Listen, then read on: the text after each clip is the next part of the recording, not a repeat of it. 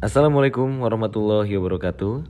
Salam sejahtera bagi kita semua dan salam sehat rohani jasmani di tengah pandemi COVID-19.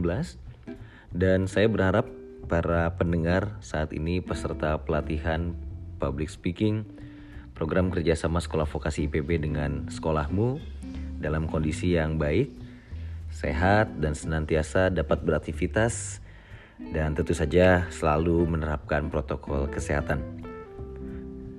Pada episode kali ini atau pada sesi kali ini saya akan menyampaikan satu topik terkait dengan materi atau bagian dari materi pelatihan public speaking yaitu berkaitan dengan penyajian yang terdiri dari pembukaan, isi dan juga penutup. Sebagai seorang public speaker, penting untuk memahami perlunya persiapan sebelum menyampaikan materi yang telah disusun sebelumnya sesuai dengan topik atau tema dan konteks serta jenis acara. Secara umum terdapat tiga persiapan yang harus eh, dikuasai oleh seorang public speaker. Antara lain yang pertama adalah persiapan mental. Ini sangat penting sekali Mengingat bahwa sering kali rasa takut, rasa khawatir, rasa cemas, rasa gugup mempengaruhi lebih besar kepada performa seseorang ketika berbicara di depan banyak orang. Walaupun tentu saja ini berkaitan dengan pengalaman dan juga jam terbang. Namun demikian, kita semua sebagai seseorang yang barangkali belum terbiasa untuk berbicara di depan banyak orang, Apabila kita telah bisa menyiapkan diri dengan baik secara mental, tentu saja rasa gugup, rasa cemas, rasa khawatir tadi akan bisa kita atasi dengan sangat baik. Dan apabila hal tersebut bisa kita lakukan, maka tentu saja apa yang telah kita persiapkan, materi tentu saja yang telah kita siapkan, bagaimana kondisi fisik kita juga prima pun juga akan sangat mempengaruhi pada performa kita nanti pada saat berbicara depan banyak orang. Ada hal-hal yang penting untuk dipahami di dalam mempersiapkan diri secara mental. Yang pertama adalah coba untuk selalu rileks, atasi gugup dengan menarik nafas panjang atau dalam, lalu kemudian menggerakkan badan, berdiri tegak layaknya seorang tentara berbaris dengan bahu dan dada yang tegap dan tersenyumlah begitu. Ini yang akan membantu kita untuk betul-betul bisa menguasai diri kita sebelum kita akan memulai menyampaikan informasi ataupun juga hal yang telah kita siapkan sebelumnya kepada para audiens. Lalu yang selanjutnya untuk persiapan mental adalah pastikan bahwa kita tahu persis tempat di mana nanti kita akan menyampaikan satu materi atau informasi kepada banyak orang Jadikan seakan-akan bahwa tempat tersebut merupakan tempat di mana Anda terbiasa untuk melakukan berbagai aktivitas. Seakan-akan seperti berada di rumah sendiri, seakan-akan seperti berada di kamar sendiri, atau seakan-akan berada di tempat yang memang sudah betul-betul kita kenali benar. Dan yang ketiga adalah kenali karakteristik dan bagaimana latar belakang dari audiens dan tentu saja lihat mereka sebagai teman akrab kita agar kemudian nanti pada saat kita menyampaikan berbagai informasi kita betul-betul seperti sedang berkomunikasi atau berinteraksi dengan teman yang sudah terbiasa berdiskusi, berbincang dengan kita. Sehingga tentu saja kita tidak memiliki rasa khawatir yang terlalu berlebih untuk menyampaikan berbagai hal. Lalu yang keempat pada persiapan mental adalah tentu saja ketahui apa materi gitu ya yang akan kita sampaikan dan dan pastikan bahwa kita memiliki asumsi dan juga keyakinan bahwa kita adalah yang paling tahu soal materi tersebut sehingga akan muncul kepercayaan diri bahwa kita adalah orang yang betul-betul layak dan pantas untuk menyampaikan hal tersebut dan orang menunggu kita untuk menyampaikan hal tersebut. Kemudian selanjutnya, selain persiapan mental juga persiapan fisik Tentu saja yang pertama di dalam menyiapkan fisik pastikan kondisi badan dan suara fit, segar dan juga normal. Lalu kemudian yang kedua, kenakan pakaian yang serasi dengan suasana acara. Dan yang ketiga, jangan memakan atau meminum makanan-makanan atau minuman yang sedikit banyak akan mengganggu performa kita seperti uh, mentega, keju, kemudian soda, kopi, paling tidak sekurang-kurangnya satu jam sebelum tampil agar tidak terjadi kendala-kendala fisik yang nanti tiba-tiba akan dialami oleh kita sebagai uh, public speaker atau pembicara. Lalu yang selanjutnya adalah jabatlah tangan uh, kita sendiri atau tangan Anda sendiri agar darah mengalir membuat gerakan tangan Anda lebih alami saat nanti berbicara di eh, podium. Ini akan membantu kita justru akan lebih siap begitu ya memastikan bahwa kita dalam kondisi yang betul-betul siap untuk kemudian menyampaikan banyak hal. Lalu yang terakhir, jaga agar mulut dan tenggorokan eh, Anda tetap basah. Siapkan selalu air mineral, pastikan bahwa eh, kita tidak dalam kondisi yang kering tenggorokan kita, mulut kita juga agak kering karena rasa gugup atau cemas atau khawatir tadi sering kali juga membuat uh, fisik kita pun juga sedikit agak berubah begitu ya. Termasuk tadi, pastikan bahwa selalu basah agar kemudian pada saat menyampaikan pesan suara yang kemudian keluar akan betul-betul sangat bagus. Lalu persiapan yang ketiga atau yang terakhir adalah persiapan materi. Ini menjadi hal yang penting juga, pastikan bahwa kita membaca banyak referensi atau literatur dan cari sumber data atau informasi sebanyak mungkin. Dan tentu saja ini dikombinasikan dengan pengetahuan dan wawasan yang dimiliki sehingga ini akan membuat kita juga semakin percaya diri. Dan yang selanjutnya adalah susun e, pointer atau outline atau kerangka untuk nanti hal yang kita sampaikan. Dengan demikian, kita akan tahu batasan-batasan seperti apa yang harus kita sampaikan dan pada bagian mana kita harus menyampaikan e, materi tersebut dan ini akan membantu kita untuk betul-betul mencari referensi atau sumber data yang betul-betul relevan atau berhubungan erat. Nah, selanjutnya setelah kita memahami dan menguasai persiapan mental, fisik, dan materi, maka tentu saja langkah selanjutnya adalah melakukan penyajian yang terdiri dari tiga bagian antara lain pembukaan, isi, dan juga penutup. Yang juga nanti akan dipengaruhi pada bagaimana kemampuan kita untuk memberikan transisi yang sangat baik, transisi yang begitu smooth gitu ya transisi yang tidak terasa memaksa begitu tapi transisi yang kemudian mampu mengantarkan informasi yang kita sampaikan dengan mudah dipahami dan mudah dimengerti.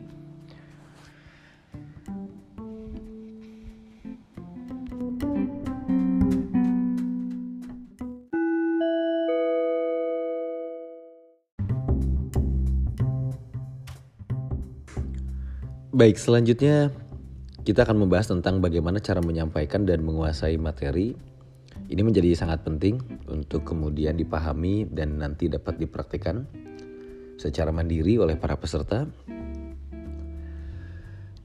Dan satu hal yang harus dipahami seperti yang telah saya sampaikan di dalam modul bahwa sebagai seorang public speaker setidaknya kita memiliki empat pilihan untuk menguasai materi dengan metode impromptu, metode ekstemporer, metode manuskrip, metode memoriter. Semua metode tadi dengan segala kelebihan dan kekurangannya akan membantu seorang public speaker untuk memastikan bahwa dia dapat menyampaikan atau menguasai materi dengan sangat baik.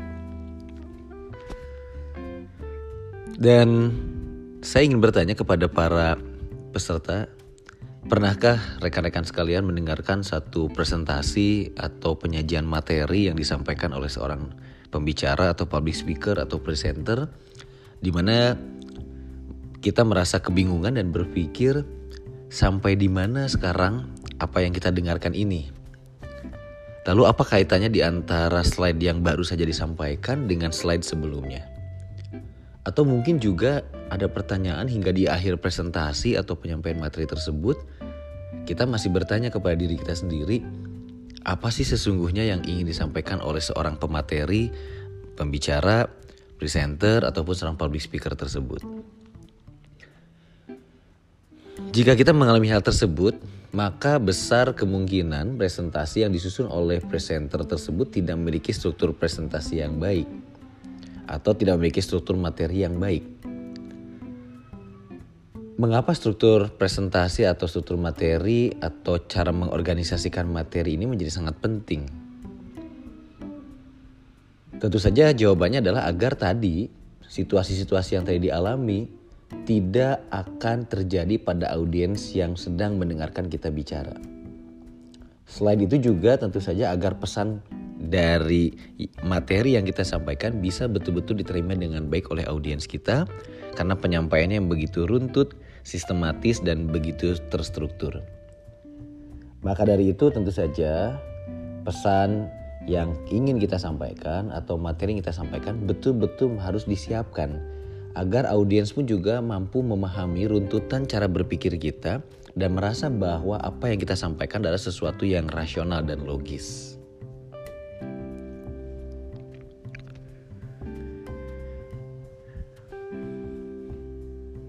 Ada tiga bagian kunci atau area kunci yang sangat penting untuk dipahami pada saat menyusun materi, yaitu bagian pembukaan, bagian isi, dan juga penutup. Kita akan bahas satu persatu. Yang pertama adalah bagian pembukaan. Saya meyakini dan percaya bahwa presentasi ataupun pemaparan materi yang baik merupakan satu rangkaian yang menyerupai sebuah lingkaran. Hal tersebut berarti bahwa pembukaan dan juga kesimpulan atau penutup berkaitan satu sama lain, sehingga betul-betul bisa meninggalkan kesan yang begitu baik kepada audiens bahwa presentasi kita atau pemaparan materi kita telah selesai. Jika rekan-rekan nanti sebagai peserta di sini berkesempatan untuk menjadi seorang pembicara, menjelaskan tentang satu cerita pada bagian pembukaan, maka kita pun dapat merujuknya pada bagian kesimpulan atau penutup. Pembukaan mengambil kurang lebih 10 hingga 15% dari porsi total waktu dari penyajian materi yang kita lakukan. Pembukaan dalam presentasi atau pemaparan materi sebagai seorang pembicara menjadi sangatlah penting. Karena ini untuk menarik perhatian audiens sehingga fokus mereka betul-betul akan mengarah kepada kita sebagai pembicara. Selain itu, tentu saja pembukaan sangat penting untuk mencairkan kekakuan pada saat audiens belum siap, pada saat juga audiens masih bertanya-tanya terkait dengan hal apa yang akan kita sampaikan. Tentu audiens pun juga memiliki ekspektasi dan harapan yang begitu tinggi kepada kita sebagai pembicara. Dan pembukaan yang tepat betul-betul dapat menciptakan suasana yang cair. Sebagai tambahan bahwa pembukaan pun juga sangat penting untuk memberikan informasi di mana nanti audiens akan mendapatkan informasi mengenai isi presentasi dari pembukaan yang disampaikan. Kurang lebih pembukaan terdiri dari tiga bagian. Bagian pertama adalah attention getter Tujuan attention getter ini adalah untuk mendapatkan perhatian dari audiens kita. Bagian kedua adalah topik. Di sini kita menyebutkan topik yang akan kita bicarakan. Tentu saja kita harus menyesuaikan di antara tadi bagaimana kita mendapatkan perhatian atau attention getter dan juga bagaimana kemudian topik yang kita angkat itu harus betul-betul sangat berhubungan. Artinya apa yang kita lakukan pada saat menarik perhatian harus betul-betul sesuai dengan topik yang ingin disampaikan sehingga masih nyambung, masih relevan, masih juga berkaitan sehingga audiens tidak kabur untuk memahami apa yang sesungguhnya ingin kita sampaikan. Lalu yang ketiga yaitu agenda. Agenda di sini adalah materi atau isi dari presentasi kita. Boleh sekilas kita sampaikan bahwa apa yang akan kita sampaikan selama kurang lebih misalnya dalam dua jam ke depan saya akan menyampaikan hal-hal berikut ini. Boleh itu hal tersebut disampaikan agar kemudian audiens mengetahui bahwa kita akan menyampaikan beberapa hal di dalam topik yang kita angkat.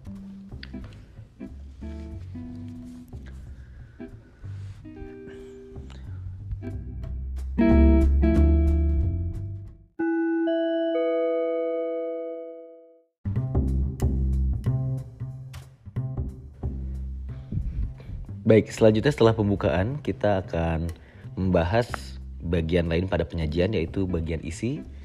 Isi merupakan bagian utama dari materi atau presentasi yang akan kita sampaikan. Pada bagian inilah kita menyampaikan informasi yang dibutuhkan oleh audiens sehingga tentu saja isi dari satu presentasi ini terdiri dari poin-poin yang ingin kita sampaikan kepada para audiens beserta penjelasannya.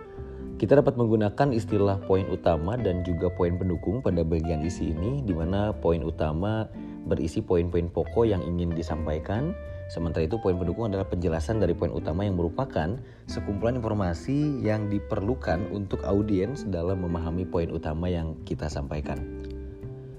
Sebuah isi presentasi yang baik tentu saja akan membuat audiens mudah memahami dan mengingat poin-poin penting yang disampaikan oleh kita sebagai presenter. Dan setelah bagian isi tadi kita bahas, maka selanjutnya adalah bagian penutup. Bagian di mana kita menutup presentasi seperti halnya pembukaan bahwa bagian penutup ini pun juga mempunyai durasi kurang lebih atau proporsi kurang lebih atau porsi kurang lebih 10 hingga 15% dari total waktu presentasi atau pemaparan materi kita. Penutupan memiliki dua bagian. Yang pertama adalah ringkasan dari poin-poin yang sudah disampaikan Tentu saja kita diperbolehkan untuk mengulangi apa yang telah disampaikan sebelumnya, namun pada garis besarnya saja sehingga audiens dapat mengingat kembali apa yang sudah mereka dapatkan dan mereka pelajari. Ini juga sebagai tolak ukur Anda apakah audiens betul-betul memperhatikan presentasi Anda atau tidak. Lalu bagian yang kedua adalah powerful closing. Bagian ini berisi tentang kalimat penutup yang bisa digunakan untuk mengakhiri presentasi dan bisa menggunakan satu quotes atau kata-kata bijak, kata mutiara atau ungkapan atau data ataupun hal-hal lainnya yang ingin kita gunakan agar penutupan yang kita sampaikan betul-betul bisa berkesan sehingga audiens akan teringat dan mengikuti pesan yang kita sampaikan. Bagian ini akan menjadi baik apabila kita merujuk kembali pada attention getter eh, pada bagian opening atau pembukaan dan kemudian Anda merangkainya untuk audiens Anda. Penutupan ini sangat penting sehingga saya perlu menegaskan kembali bahwa kita perlu mengatakan kepada audiens apa yang perlu mereka lakukan dengan informasi yang kita berikan. Lalu kemudian apa tindakan yang perlu mereka ambil, apa langkah berikutnya yang perlu dilakukan, kemudian meniadakan hal tersebut dalam e, penutupan presentasi kita justru merupakan kesalahan yang perlu kita hindari. Jadi terkadang kita selalu ingin tergesa-gesa menutup sebuah presentasi atau penyajian materi dengan mengucapkan terima kasih saja tanpa kemudian menyampaikan satu kesimpulan atau bertanya, lalu kemudian motivasi atau memberikan dorongan kepada para audiens untuk melakukan sesuatu hal. Dan sebuah penutupan yang berhasil akan mampu membuat audiens kita bersemangat, termotivasi, dan akhirnya mengikuti apa yang sudah kita sampaikan. Nah, selain tiga hal yang tadi ada di dalam bagian penyajian, bahwa ada satu elemen yang juga tidak bisa kita kemudian kesampingkan, yaitu transisi Transisi merupakan kalimat yang perlu kita sampaikan ketika kita akan melakukan perpindahan di antara satu bagian presentasi atau penyampaian materi kepada bagian yang lain. Ini menjadi sangat penting karena transisi, transisi yang baik akan membuat presentasi kita atau penyampaian materi kita memiliki satu kesatuan yang utuh dan alur yang mengalir begitu tentu saja.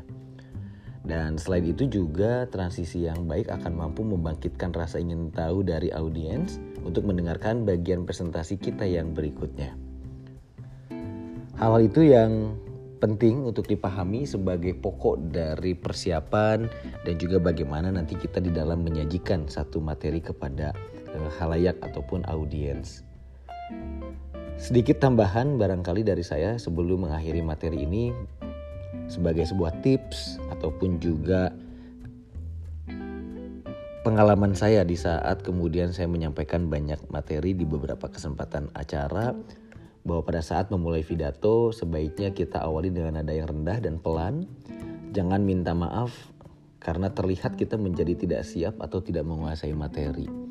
Dan untuk teknik membuka langsung menyebut pokok persoalan yang akan dibicarakan, lalu ajukan pertanyaan yang provokatif, bisa menyatakan juga kutipan, teori, ungkapan, peristiwa atau pepatah, dan pada saat penyampaian, teknik pemaparan atau pembahasan topik yang bisa kita sampaikan bisa kita gunakan dengan model deduktif dan juga induktif yaitu gagasan utama kepada perincian yang disebut dengan deduktif tadi atau dari satu kasus kepada kesimpulan yang disebut dengan induktif. Dan selama penyampaian materi atau presentasi pastikan bahwa suara dan cara bicara Anda sebagai public speaker bisa betul-betul memenuhi unsur berikut ini antara lain pertama adalah audible, Bicaralah agak keras agar cukup terdengar. Kemudian yang kedua clear, jelas, ucapkan setiap kata dengan jelas. Kemudian yang ketiga gunakan kata berona atau colorful word yang melukiskan sikap, perasaan, keadaan misalnya kata terisak-isak lebih berona daripada daripada kata menangis. Kata matanya berbinar-binar daripada kata bergembira dan lain sebagainya. Lalu yang terakhir gunakan kalimat aktif atau action word lebih dinamis daripada kalimat pasif. Dan pada penutup, langsung tutup ucapkan salam jika materi pembicaraan sudah disampaikan atau waktu sudah habis dan kita setelah menyampaikan kesimpulan juga tadi menyampaikan motivasi ataupun juga bertanya kepada para audiens. Bisa juga dengan menyimpulkan, mendorong audiens untuk bertindak, sampaikan kutipan sajak, kitab suci, peribahasa, ataupun ucapan ahli, memuji halayak dan sebagainya. Atau bisa juga dengan istilah atau satu contoh, saya akhiri pidato ini dengan pepatah, atau saya akhiri eh, pidato ini dengan peribahasa, atau saya akhiri pidato ini dengan pantun, atau saya akhiri pidato ini dengan ucapan ahli, atau dengan kemudian bisa memuji juga para audiens.